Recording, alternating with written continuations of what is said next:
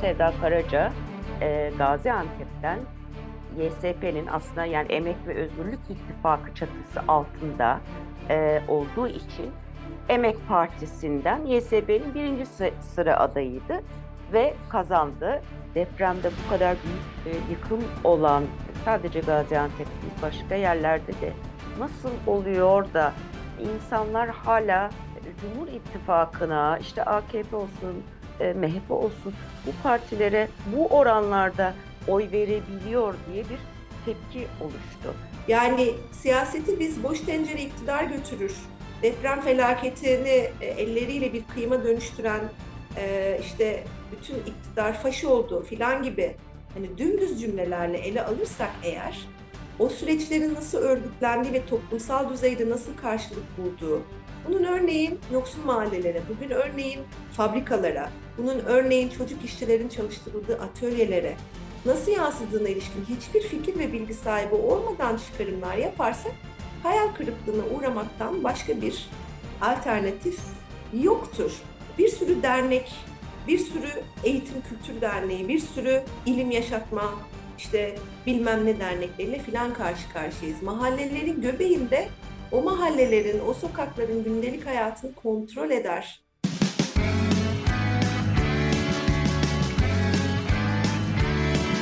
Kulağınız bizde olsun. Kısa Dalga Podcast. Herkese merhaba, ben Mehveş Evin. Kısa Dalga'da bugünkü konuğumuz Sevda Karaca. Hoş geldiniz Sevda Karaca. Hoş bulduk Mehveş, merhabalar. Ee, tabii Sevda Karaca'yı ben tanıyorum, meslektaşım. Ama artık o da e, meclisteki az sayıdaki e, siyasetçi kadınlarımızdan, vekillerimizden biri. Çünkü Sevda Karaca e, Gaziantep'ten YSP'nin aslında yani Emek ve Özgürlük İttifakı çatısı altında e, olduğu için Emek Partisi'nden YSP'nin birinci sıra adayıydı ve kazandı. E, tekrar tebrik ediyoruz e, Sevda çünkü e, epeyce bir e, yani hem Cumhurbaşkanlığı seçimi açısından e, Recep Tayyip Erdoğan'ın %65.46'larla sonuçlandığı bir e, seçim turu, ilk turu oldu. Hem de meclis açısından Gaziantep özelinde konuşursak AKP'nin 8, MHP'nin 1, e, İyi Parti'nin 1, CHP'nin 3 vekil çıkardığı e, ve tabii ki e, seninle birlikte e, İSP'nin de bir vekil çıkardığı bir sonuç, bir tablo ortaya çıktı.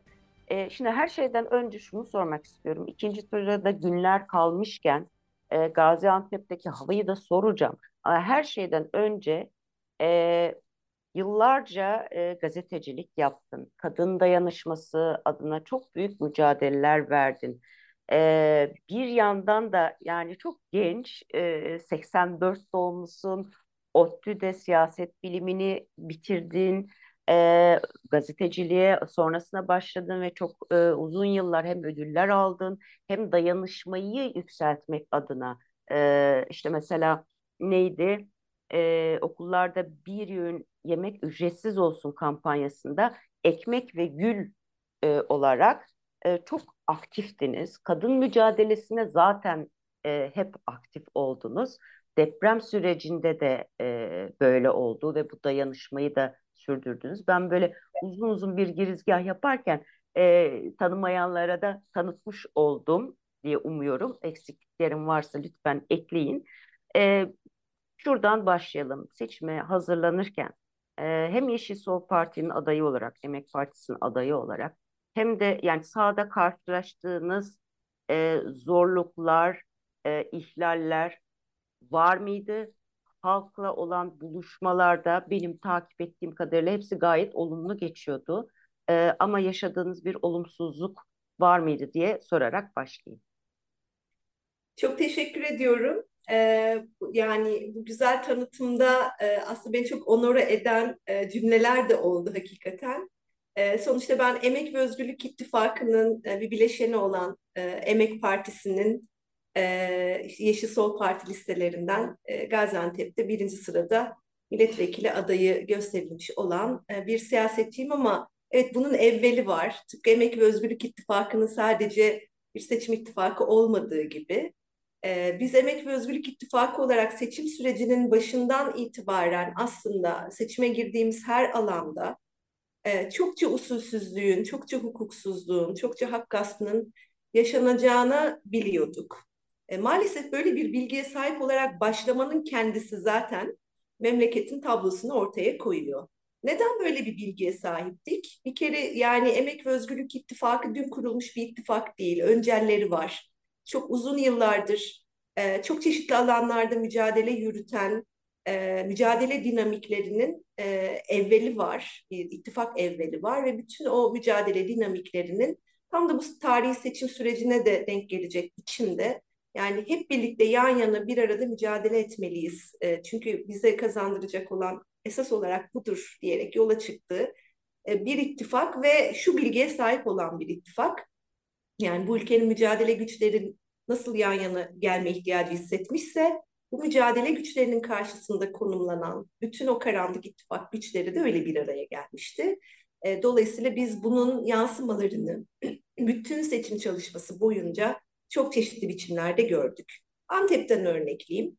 Yani Gaziantep e, biliyorsunuz memleketin en büyük sanayi kentlerinden biri. 2 milyonu aşkın nüfusunun %90'ını işçiler, emekçiler, yoksullar oluşturuyor. Alın teriyle hayatını her gün yeniden üreten insanların nüfusun çoğunluğunu oluşturduğu e, ve çok yani buna bağlı olarak çok çeşitli sorunların katmer katmer yaşandığı bir kent burası. Burası ihracat rekorları kıran bir kent ama aynı zamanda yani dünyanın en zengin e, 100 e, insanı arasına Antep'ten o kadar isim giriyor olmasına rağmen kentte gözle görülür, çıplak gözle görülür bir biçimde yani büyük uçurumların e, böyle yaşandığı bir yer burası. Uçurumdan kastım da aslında yani yoksulluk, işsizlik, çocuk işçiliğinden tutalım işte uyuşturucu meselesine kadar kent olanaklarından yararlanmaktan sosyal kültürel aktivitelere ilişkin tümüyle yoksun bırakılmaya hani çok e, hakikaten katmanlı bir şeyden bahsediyorum ve bu şehir çok uzun yıllardır sermaye tarafından, patronlar tarafından, gerici güçler tarafından, cihatçı çeteler tarafından, hani onlara kol kanat gelen devlet güçleri tarafından adeta rehin alınmış durumdaydı. Yani biz işte bu e, tablonun içerisinde bir seçim çalışması yürüttük. Dolayısıyla karşımızda aslında bu şehrin işçilerini, emekçilerini, halklarını rehin alanlar vardı. E, ve devletin bütün olanaklarını e, yani apaçık bir biçimde bundan hiç imtina etmeden de gözlerimizin önünde, halkın gözlerinin önünde kullandılar Mehveş. Ne demek istiyorum? Ne gibi? Şehrin dört bir tarafında billboardlar var, belediyelere ait. E, bu şehrin dört bir tarafında aynı zamanda işte giydirilmiş devlet binaları var. Bu şehrin e, bütün fabrikalarında belediye başkanı, kaymakam, il, il, e, il e, emniyet müdürü, valisi e, Cumhur İttifakı listelerinden aday olan e, kişilerle yan yana kol kola yemekhaneleri işçileri doldurarak oralarda seçim çalışmaları yürüttüler.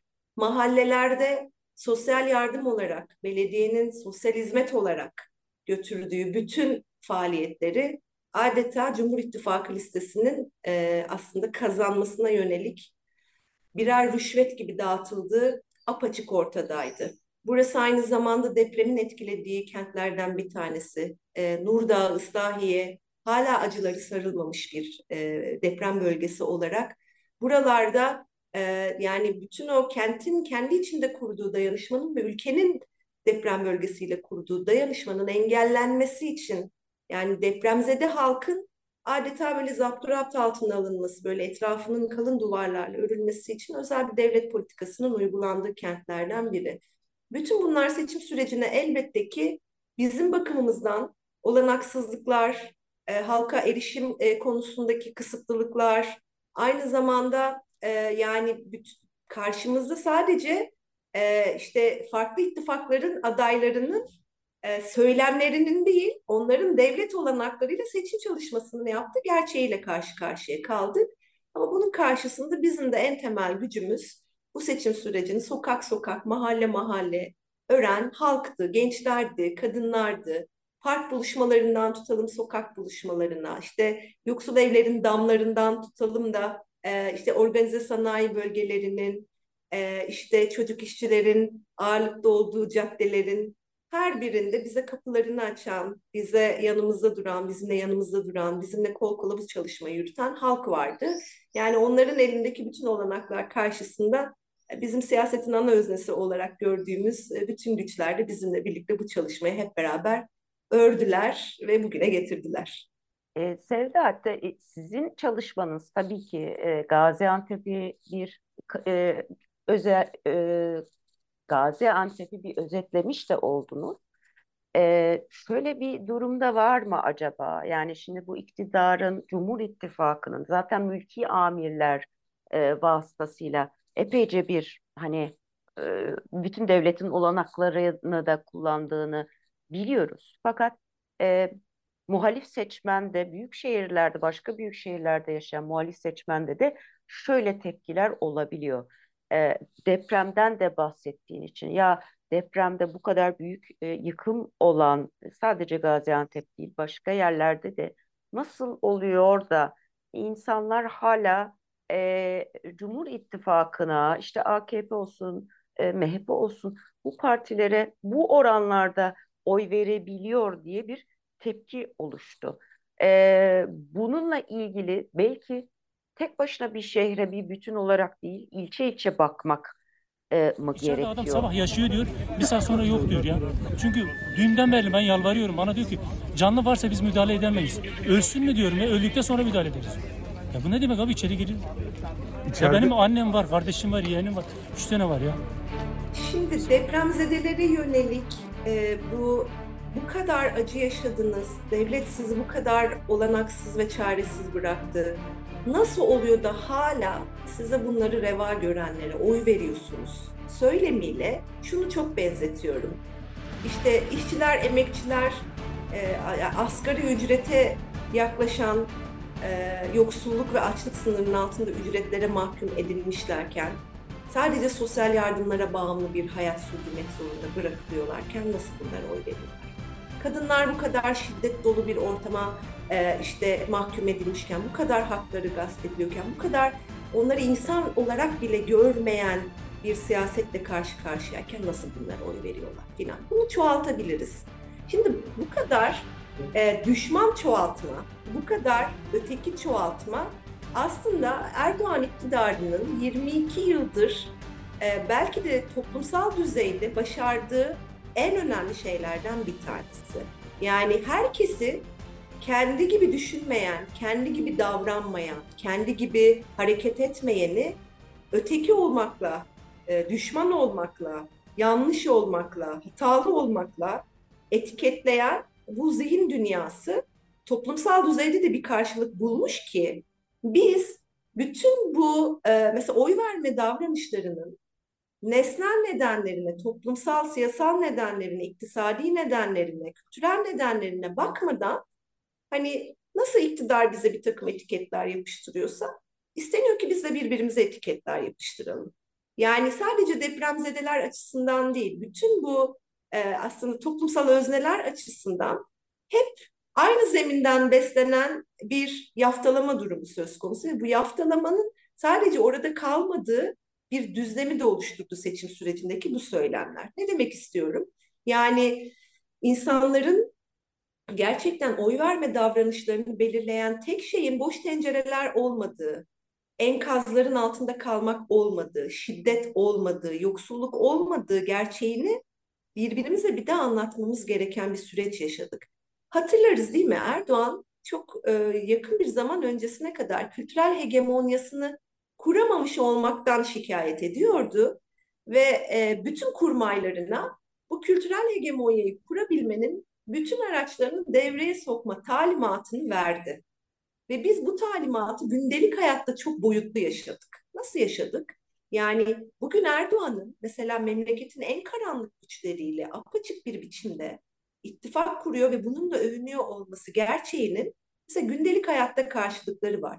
Biz Antep'in bütün sokaklarında, deprem bölgesindeki bütün alanlarda örneğin bütün yoksul mahallelerin başında, ortasında, sonunda e, içinde ne yapıldığını gerçekten kimsenin bilmediği bir sürü dernek, bir sürü eğitim kültür derneği, bir sürü ilim yaşatma, işte bilmem ne dernekleriyle filan karşı karşıyayız. Mahallelerin göbeğinde o mahallelerin, o sokakların gündelik hayatını kontrol eder, düzenler ve yeniden yapılandırır hale gelmiş durumdalar. Bunlar bugün oluşmadı.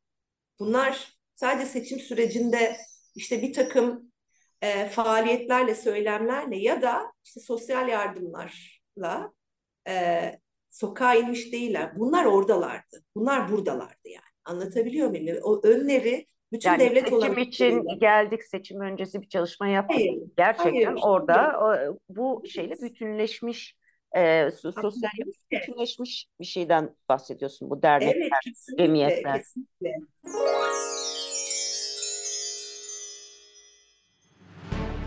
Bir de siyaseti indirgemecilikle yapmamak lazım. Yani e, bu ekonomik krizin bu kadar derinleştiği, yoksulluğun bu kadar arttığı, pandeminin ağır etkilerinin böyle süre giden biçimde devam ettiği koşullarda biz depremle karşı karşıya kaldık. Ve depremin e, yarattığı felaketi bir kıyıma dönüştüren iktidar aslında bu felaketten kendine bir siyasal rant devşirmek için de yine bütün devlet olanaklarını kurduğu karanlık ittifakları tüm gücüyle devreye sokarak ortaya koydu.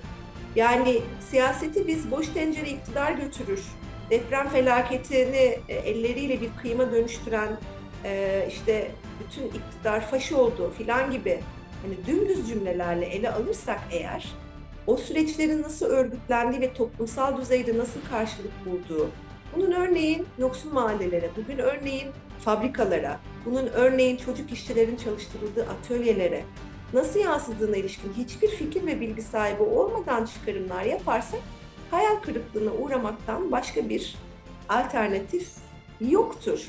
Bakın biz seçim süreci boyunca e, yani bu şehrin en büyük halı fabrikalarının, dokuma fabrikalarının işçileriyle buluştuk. Ve bize hiçbir anket şirketinin, hiçbir siyaset bilimcinin, hiçbir gazetecinin veremediği verileri verdiler. Anlattılar bunları bize. Yani aynı bankta çalıştıkları iş arkadaşlarının, e, işçi arkadaşlarının nasıl da aslında e, önümüzdeki sürece ilişkin korku dolu beklentilerle e, konuştuğunu, kimi dönemlerde sessiz kalan e, işçilerin, emekçilerin, yoksul halkın özellikle korkutma siyaseti söz konusu olduğunda nasıl konuşmaya başladıklarını ve o korkutma siyasetinin nasıl etkili olduğunu, milliyetçilik yükseliyor diye bugün analizleri yapılan şeyin aslında tek başına faşist bir kalkışma olmaktan ziyade üst üste binen katmerli sorunlar karşısında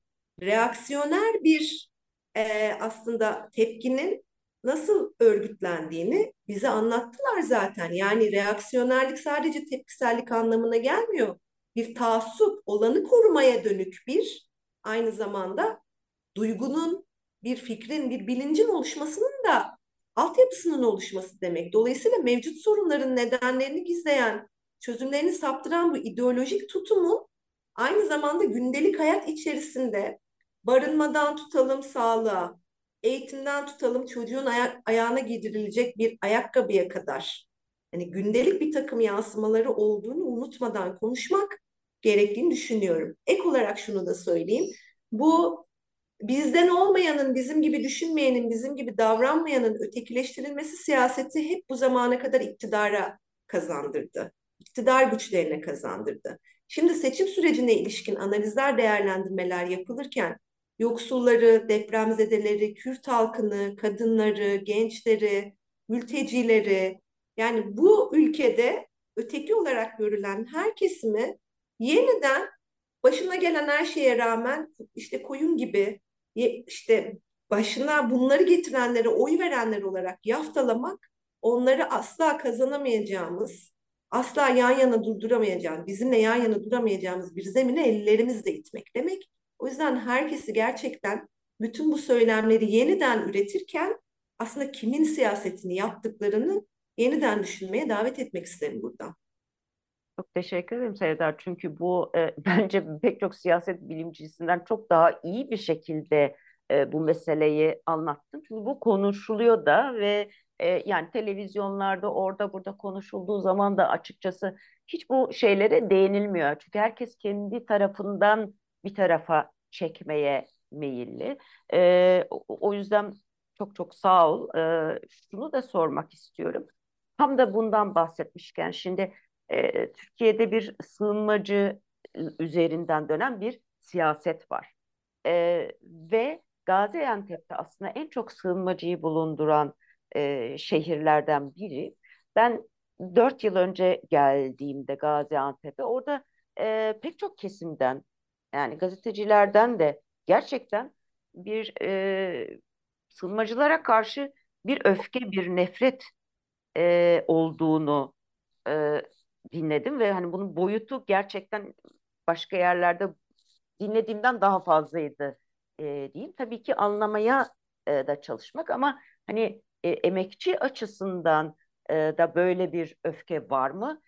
Bu mülteci siyaseti üzerinden yapılan ve bence çok son derece tehlikeli olan politika e, Gaziantep özelinde e, halkı nasıl etkiliyor?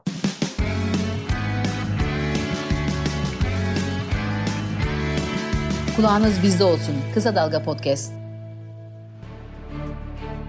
Gaziantep e, aslında e, bu e, AKP iktidarının bölgede özellikle Suriye'de yürüttüğü savaş politikalarının acılarını en çok en derinden yaşayan kentlerden biri. Sadece bir sınır kenti olması açısından değil, e, sohbetimizin başında burası adeta rehin alınmış bir kent e, demiştim. Bu açıdan da yani AKP'nin özellikle Orta Doğu bölge ve Suriye politikaları açısından da özel olarak bir e, lojistik kenti haline getirilen bir süreç yaşamış durumda. Ve bu süreç e, gerçekten e, Gaziantep halkına, halklarına çok e, büyük zorlukları da beraberinde getirdi. Gaziantep'in bir kere özellikle e, cihatçı, IŞİD'ci çetelerin e, daha sonra işte 10 Ekim katliamında, Suruç katliamında da belgeleriyle ortaya konan biçimde burada konuşlandırıldığı, burada eğitildiği, burada aynı zamanda bu katliamları yapmak üzere plan yapma rahatlığına kavuşturulduğu gerçeğinin ortasında konuşuyoruz. Biz aynı zamanda burayı e, yani ülkeyi bir göçmen deposu haline getirme politikalarının ilk deney üssü olan bir şehirden konuşuyoruz.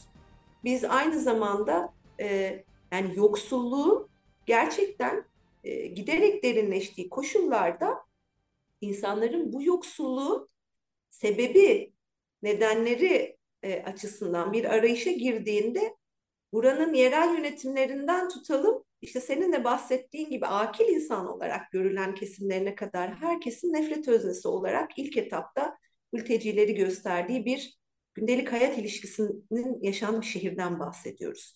O nedenle aslında hem özel olarak seçilmiş bir kent olması, hem bir göçmen deposu haline getirilmesi, hem aynı zamanda Suriye Savaşı'nın e, ülkeye yansımalarını Beybahçe katliamı gibi e, burada sınırda atılan bombalarla kaybettiğimiz öğretmenler, öğrenciler, çocuklar, köylüler gibi gerçeklerle yaşamış bir kentte elbette ki kimi tartışmaları sağduyuyla e, yapmalarının, halkın bunu yapmasını beklemek e, bana çok e, şey gelmiyor. Yani hani e, e, akıl dolu bir davranış gibi gelmiyor gerçekten de. Şimdi meseleyi tespit etmek, bir sorunu tespit etmekle onun çözümüne ilişkin e, ortaya konulan şey arasında bir ilişkisellik var.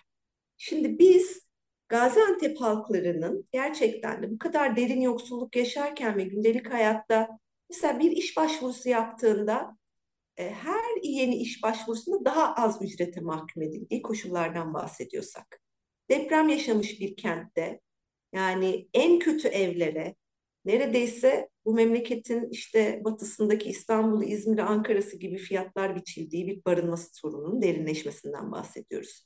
Eğitim olanakları zaten çok zayıflatılmış durumda. Şehrin dört bir tarafı devlet eliyle çocuk işçi yetiştirme merkezleri haline getirilen mesemlerle dolu.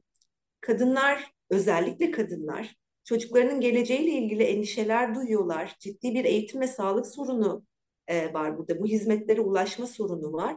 Ve bu hizmetlere ulaşma sorunu karşısında yani kimi bu konudan sorumlu tutacaklarına ilişkin ilk hep gösterilenler mülteci çocuklar, mülteci aileler, mülteci kadınlar olmuş durumda. Şimdi bunların toplamında bir de burada üstelik memlekette yükseltilmeye çalışılan o ırkçı göçmen düşmanı söylemin kalesi haline getirilmeye çalışıldığını da ekleyelim bu şehrin. Ümit Özdağ'ın buradan aday gösterildiği gerçeği gibi mesela. Aynı zamanda bu şehirde mülteci işçi çalıştırma çalıştırdıklarını, mülteci çocuk işçi çalıştırdıklarını çok iyi bildiğimiz kesimlerin şehrin göbeğinde mülteci e, düşmanı bildirilerle sokağa çıktığı bir tablo var. Şimdi bu tablonun bütününe böyle bakınca puzzle'ın parçalarını yerleştirince gerçekten gündelik hayatında bu kadar dertle boğuşmak durumunda kalan ve hayatta kalma yani yaşamak demenin hayatta kalma çabasına dönüştüğü koşullarda insanların öfkelerini ilk yönelttiği, yönlendirdiği e, kesimlerin e, mülteciler olması yani hayatın akışında bir yere oturuyor. E, yani doğru değil ama hayatın akışında bir yere oturuyor gerçekten de. Dolayısıyla biz de seçim sürecinde konuşurken, tartışırken, dertleri dinlerken hep e, mültecilere yönelen bir öfkeyle elbette ki karşı karşıya kaldık. Kaldık. Kadınlar nezdinde kaldık, işçiler nezdinde kaldık, Kürt halkı nezdinde kaldık. Bu şehirde yaşayan yani pek çok kadim halk var. Pek çoğu geç, daha çok yakın bir süre öncesine kadar yerlerinden, yurtlarından edilip Antep'e getirilmişlerdi. Belki de aynı ön yargılarla, aynı suçlamalarla, aynı böyle e, nasıl diyeyim etiketlemelerle karşı karşıya kalmışlardı ama işte yeni nefret öznesi ilan edilen mültecilere karşı devlet eliyle de her gün yeniden üretilen bu nefreti e, aslında böyle zihinsel düzeyde kabul eden bir tablo vardı. Biz bunu değiştirebilmenin tek olanağını şu olduğunu düşünüyoruz Mehveş. Şimdi mültecilerin e, yaşadığı kötü evlerin kapısıyla işte Başpınar'da iş bulduğu için sevinen ama e, çocuğunu da işte Nizip Caddesi'ndeki atölyeye işe koymadan evini geçindiremeyen işçinin evinin kapısı aynı sokağa bakıyor burada. Yani karşılıklı bu evler gerçekten de. İki evde de aynı dertler yaşanıyor. İki evde de gerçekten çocukları ayakkabı almak için, okula başladıklarında bir çantaya bir beslenme koyabilmek için sosyal yardımlara muhtaçlar. Mesela ikisi de aynı zamanda birbirlerine karşı düşürülerek sürekli ücretlerinin düşmesi riskiyle karşı karşıyalar. İkisi de aynı pazara gidiyorlar. Domates, soğan fiyatları aynı biçimde etkiliyor onları. Biz şimdi bu ortaklıkların e, bu kapısı aynı sokağa bakan e, iki e, ailenin ortaklığı olduğunu ve ancak ortak hareket ederek, ortak bir mücadele vererek eşit yurttaşlık hakkı noktasında aynı yerde durduğumuzu göstererek bir politika izleyemezsek o kapılar yani birbirine bakan kapılar birbirine hiç açılmayacak. Yani bu çok açık bir gerçek. Bunu örgütlemeye, bunu konuşmaya, bunu tartışmaya çalıştık. Ve bu şehrin çok önemli bir deneyim daha var. Ben hatırlatmak istiyorum izninle. Yani e, bu son iki buçuk yıl içerisinde bu kadar yoksulluğun, sömürünün değiş, e, derinleştiği bu kent irili ufaklı çok sayıda işçi direnişine sahne oldu. Ve bu işçi direnişlerinin bir kısmında işte o sokakta kapıları birbirine bakan e, işçiler, emekçiler e, aynı iş yerlerinde aynı dertlerin muzdaribi olduklarını da bu direnişlerin içerisinde gördüler, birlikte harekete geçtiler. Birlikte Örneğin ekmek parasını arttırabilmek için birlikte mücadele ettiler ve o direnişlerin içerisinde konuştuğumuzda biz işçilerle yani öyle bir deneyimin içinden geçen işçilerle, emekçilerle konuştuğumuzda e, şunun farkındalığının ne kadar yükseldiğini gözlerimizle gördük yani.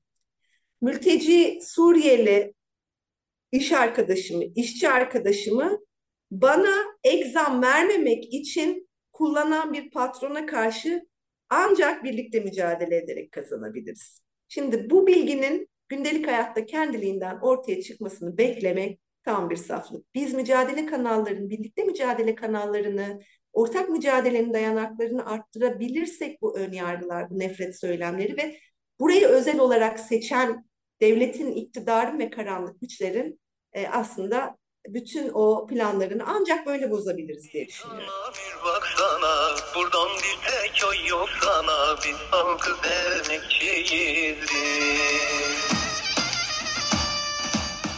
Sevda, seçim gecesi yani 14, 14 Mayıs'ta e, bazı yerlerden, bazı ilçelerden özellikle de işte Anadolu'dan, e, Güneydoğu'dan çeşitli usulsüzlükler, itirazlar yükseldi. Gaziantep'te de e, enteresan bir şekilde ben başka yerde görmedim ama e, seçmenlerin Vatan Partisi adına sandık görevlisi olarak yazıldığını ve bu yüzden oy kullanamadığını ne oldu? Yani kaç seçmen söz konusuydu bunu nasıl yapmışlar e, ve siz nasıl bir önlem aldınız? E, itirazlarda e, nasıl sonuçlandı? Yani her seçim döneminde şeytanın aklına gelmeyecek bir sürü yeni yöntemle gerçekten yani e, böyle bir e, yurttaşların seçme seçilme hakkını gasp etmeye yönelik e, yeni şeyler öğreniyoruz. Bu seçimde de öğrendiğimiz yöntem şuydu e, Mehveş. Sabahın daha ilk saatlerinde e, oy kullanmaya giden yurttaşlar e, özellikle Yeşil Parti, Emek ve Özgürlük İttifakı'nın seçmenlerinin yoğun olduğunu bildiğimiz okullarda şöyle bir tabloyla karşılaştılar. Sabah oy vermek için gittikleri sandıklarda siz e, bir parti tarafından sandık kurulu görevlisi olarak yazılmışsınız.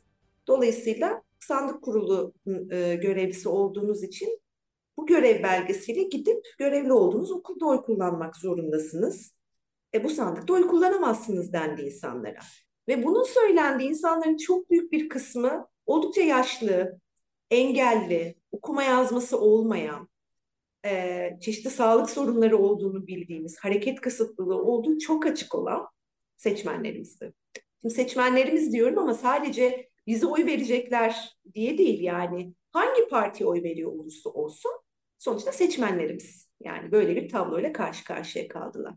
Ve biz hızlı bir biçimde avukatlarımızla e, bu işte parti e, yönetimlerimizde e, bu konuda görevlendirdiğimiz arkadaşlarımızla ve milletvekili adayları olarak bu tablonun nasıl ortaya çıktığına ilişkin araştırmalar yaptığımızda gördük ki Vatan Partisi usulsüzce ele geçirdiği TC kimlik numaralarıyla özellikle bizim e, seçmenlerimizin yoğun olduğu bölgelerde seçerek insanları e, kendileri adına, kendi partileri adına sandık kurulu görevlisi olarak şehrin dört bir tarafına en ücra köşelerine görevlendirmişler.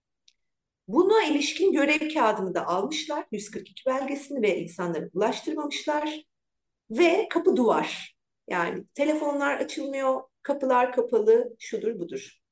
Şimdi bizim orada karşı karşıya kaldığımız tabloda ne yapabileceğimize ilişkin e, işte yani burada mülki amirlerle yaptığımız görüşmeler, Yüksek Seçim Kurulu ile yaptığımız görüşmelerde e, bize söylenen şu oldu. Sandık kurulu görevlisi olarak atanan bu kişiler adliyeye gidecekler. Adliyeden 142 görev kağıdını alacaklar. O görev kağıdında yazan okul hangisi ise gidip o okulda oylarını kullanacaklar. Sonra evlerine geri dönecekler. Bakın yaşlı, hasta, engelli, okuma yazması olmayan 4000 aşkın insandan bahsediyoruz. 4000 aşkın insandan. Şimdi zaten bu bilgiyi alana ve bu bilgiyi seçmenlere ulaştırana, onları organize edene, onları adliyeye taşıyana kadar zaman kaybedildi. Yani ne kadar hızlı davranırsak davranalım, böyle bir tabloyla karşı karşıya kalan seçmenlerin bir kısmı ne yapacağını bilemediği için ya da nasıl ulaşacağını bilemediği için evlerine geri döndüler. Biz ulaşabildiğimiz kadar çok insanı, yani bu rakamın yaklaşık yarısını e, işte çeşitli bölgelerde toplayarak, onlara araçlar organize ederek adliyeye götürdük. Adliyede saatlerce kuyrukta bekledi insanlar 142 belgesini aldılar ve sonra onları görevli göründükleri okullara taşıdık. Sonra onları mahallelerine geri getirmek durumunda kaldık. Böyle bir tablo yaşadık bu şehirde. Ve biz böyle bir tablonun hak gaspı olduğunu, suç olduğunu, dolayısıyla Yüksek Seçim Kurulu'nun ve buradaki mülki amirlerin bu konuda halkı rahatlatacak, halkın oy kullanma hakkını sağlayacak bir adım atması gerektiğine ilişkin başvurularımızın tamamından red cevabı aldık. Yani o yüzden Vatan Partisi tek suçlu değil. Bu kimlik bilgilerini nereden buldular? Bu atamaları böyle usulsüzce yaparken nasıl bir dayanak buldular? Biz bu e, suçu ortaya çıkarttıktan sonra mülki amirler neden 4000 aşkın insanın seçme ve seçilme hakkını garanti altına alabilmek için e, bir e, yöntem bulmadı? Neden insanları zoraki e, seçme haklarından e, böyle mahrum bırakacak zorlamalara mahkum bıraktılar? Biz dolayısıyla bu meselenin sadece Vatan Partisi ile açıklanamayacağını, Vatan Partisi'nin bir her dönemin iktidarının aparatı olduğu gibi bu dönemde de bir aparat olarak kullanıl, kullanıldığını düşünüyoruz. Şimdi ikinci turda da böyle bir risk olduğunu gözeterek biz suç duyurularında bulunduk, itirazlarda bulunduk. Ee, aynı zamanda e, 4000 aşkın insanın bizim tespit edebildiğimiz kadar 4000 aşkın insanın bu durumla karşı karşıya kaldığını, bunun aynı zamanda bir hak gasp olduğunu, seçimlerin yenilenmesi gerektiği başvurusunda bulunduk. Tüm taleplerimiz reddedildi. Suç duyurumuza henüz bir cevap almış durumda değiliz. Ancak biz ikinci turda aynı şeyin yaşanmaması için e, yani bu durumla karşı karşıya kalan vatandaşların, yurttaşların sandık kurulu görevlerinin iptal edilmesi, onlara yeniden seçmen kağıtlarının gönderilmesi konusunda girişimlerde bulunduk. Bu girişimlerimiz sonuç aldı. Ama sonra ne oldu? Vatan Partisi yeniden 1200 kişilik bir liste verdiğine ilişkin bilgi aldık. Dolayısıyla o 1200 kişi kim? Gerçekten bilgileri var mı? Ee, yani e, sonuçta bizden de e, yani bu konuda bütün girişimlerimizi, ısrarlarımızı sürdürdüğümüzde bize cevap vermek zorunda bıraktık. Buradaki mülkihaneleri ve şeyleri. Ve bu zaten bilinmeyen bir şey değil. Siz hangi partinin nerelere sandık kurulu görevlisi verildiğini resmi olarak zaten biliyorsunuz. Şimdi daha 14 Mayıs'ta böyle bir suç işlenmişken 28 Mayıs e, seçimleri için aynı suçun devamını e, getireceklerin bilgisiyle hareket ediyor olması lazım. Bütün mülki amirlerime burada e, bu suçun iş, tekrar işlenmesinin önlenmesi sorumluluğuna sahip olan çeşitli kurulların ve biz şimdi yani bu 1200 kişi kim? Onlara gerçek onlar gerçekten usulünce sandık kurulu görevlisi olarak mı atandılar? Eğer bu konuda bir bilgileri, bir rızaları yoksa ne yapabilirler konusunda bütün mahallelerde sokak sokak çalışma yürütüyoruz ve tespit etmeye ve bu durumu e, yeniden yaşamamaları için önlem almaya çalışıyoruz. Ama 14 Mayıs'ta yaptığımız şeyi yani bu durumla karşı karşıya kalan vatandaşların yeniden e, aslında oy kullanma hakları için hazırlıklarımızı yaptık. Yani yine aynı tabloyla karşı karşıya kalabiliriz. Bizim hazırlığını yapmak zorunda kaldığımız bu gerçek acaba gerçekten mülki amirler nezdinde nasıl bir hazırlıkla karşı karşıya bunun bilgisine sahip maalesef değiliz şu an. 28 Mayıs'a doğru e, beklentin nedir? Gaziantep'te gördüğün nedir? Sandığa gitmekte e, şey olan hani birazcık isteksiz olan bir kesim var mı? Ve özellikle kadınlar açısından neden önemli diye bir toplu büyük soru sordum sana.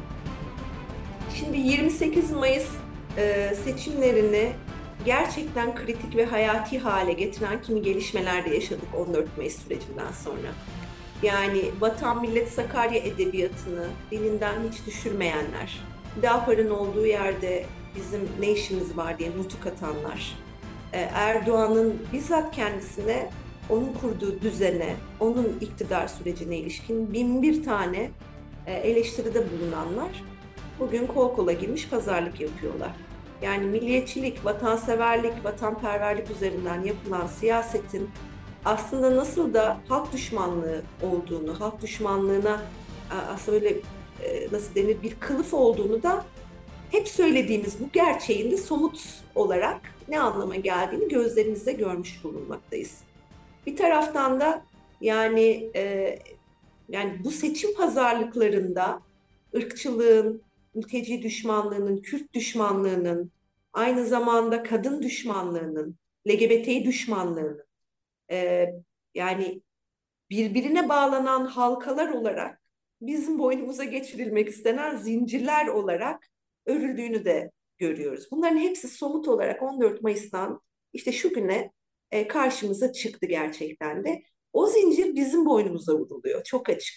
Yani vatanseverlik e, duygularına oynayan, insanların gerçekten yurtsever duygularına e, aslında böyle gerici, muhafazakar, ilkel bir elbise giydirmeye e, çalışanlar e, zaten en baştan itibaren iktidarın Erdoğan yönetiminin, tek adam iktidarının kazanması için pozisyon almışlardı.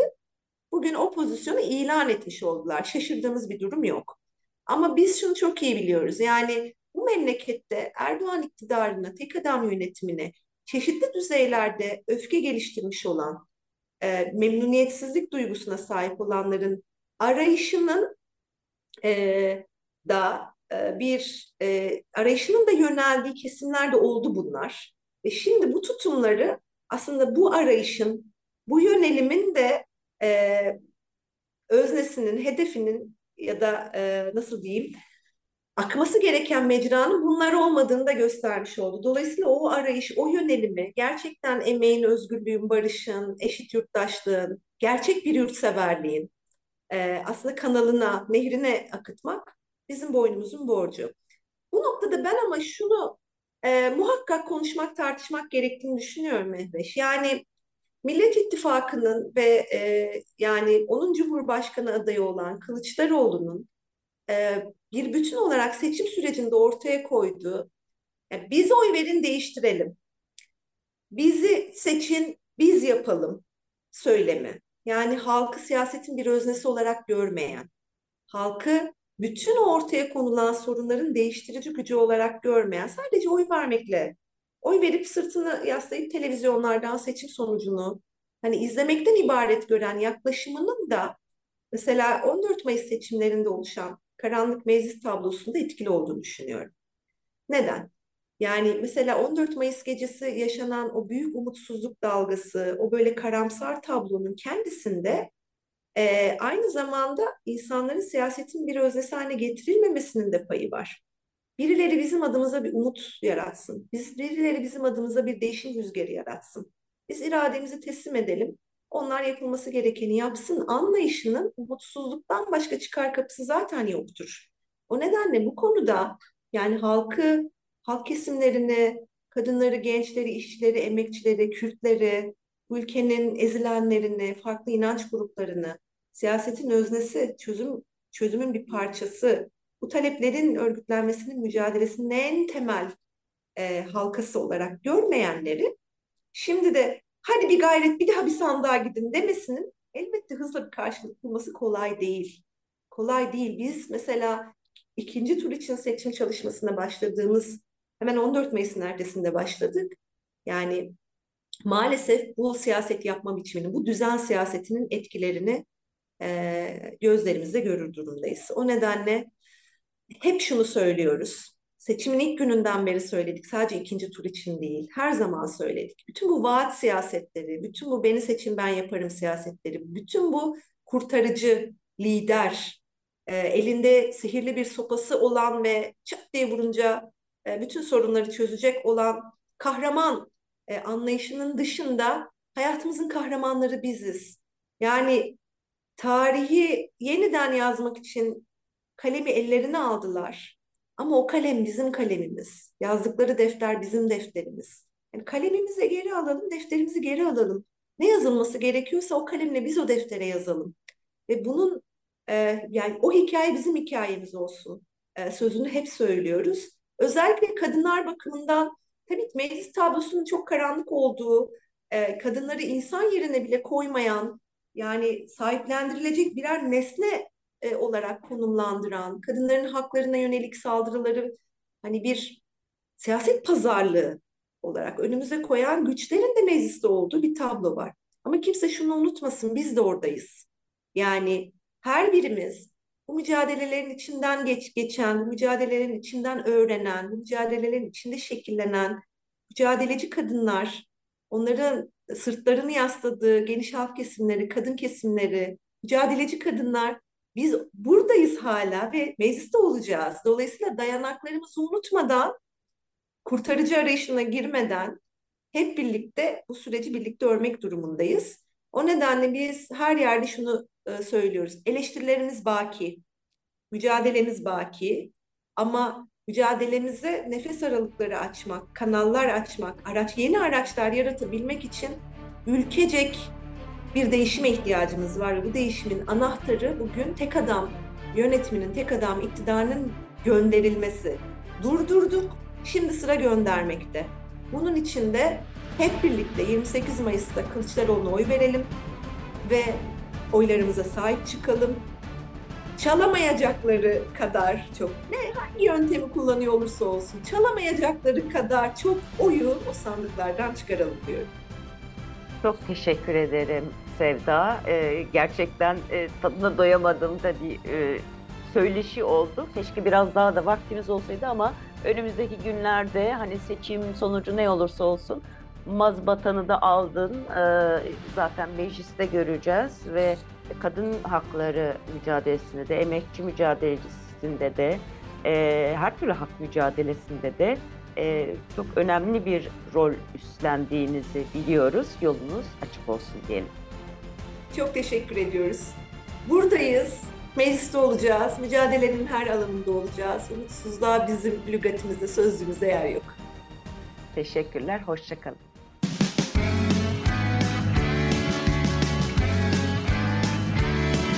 Kulağınız bizde olsun. Kısa Dalga Podcast.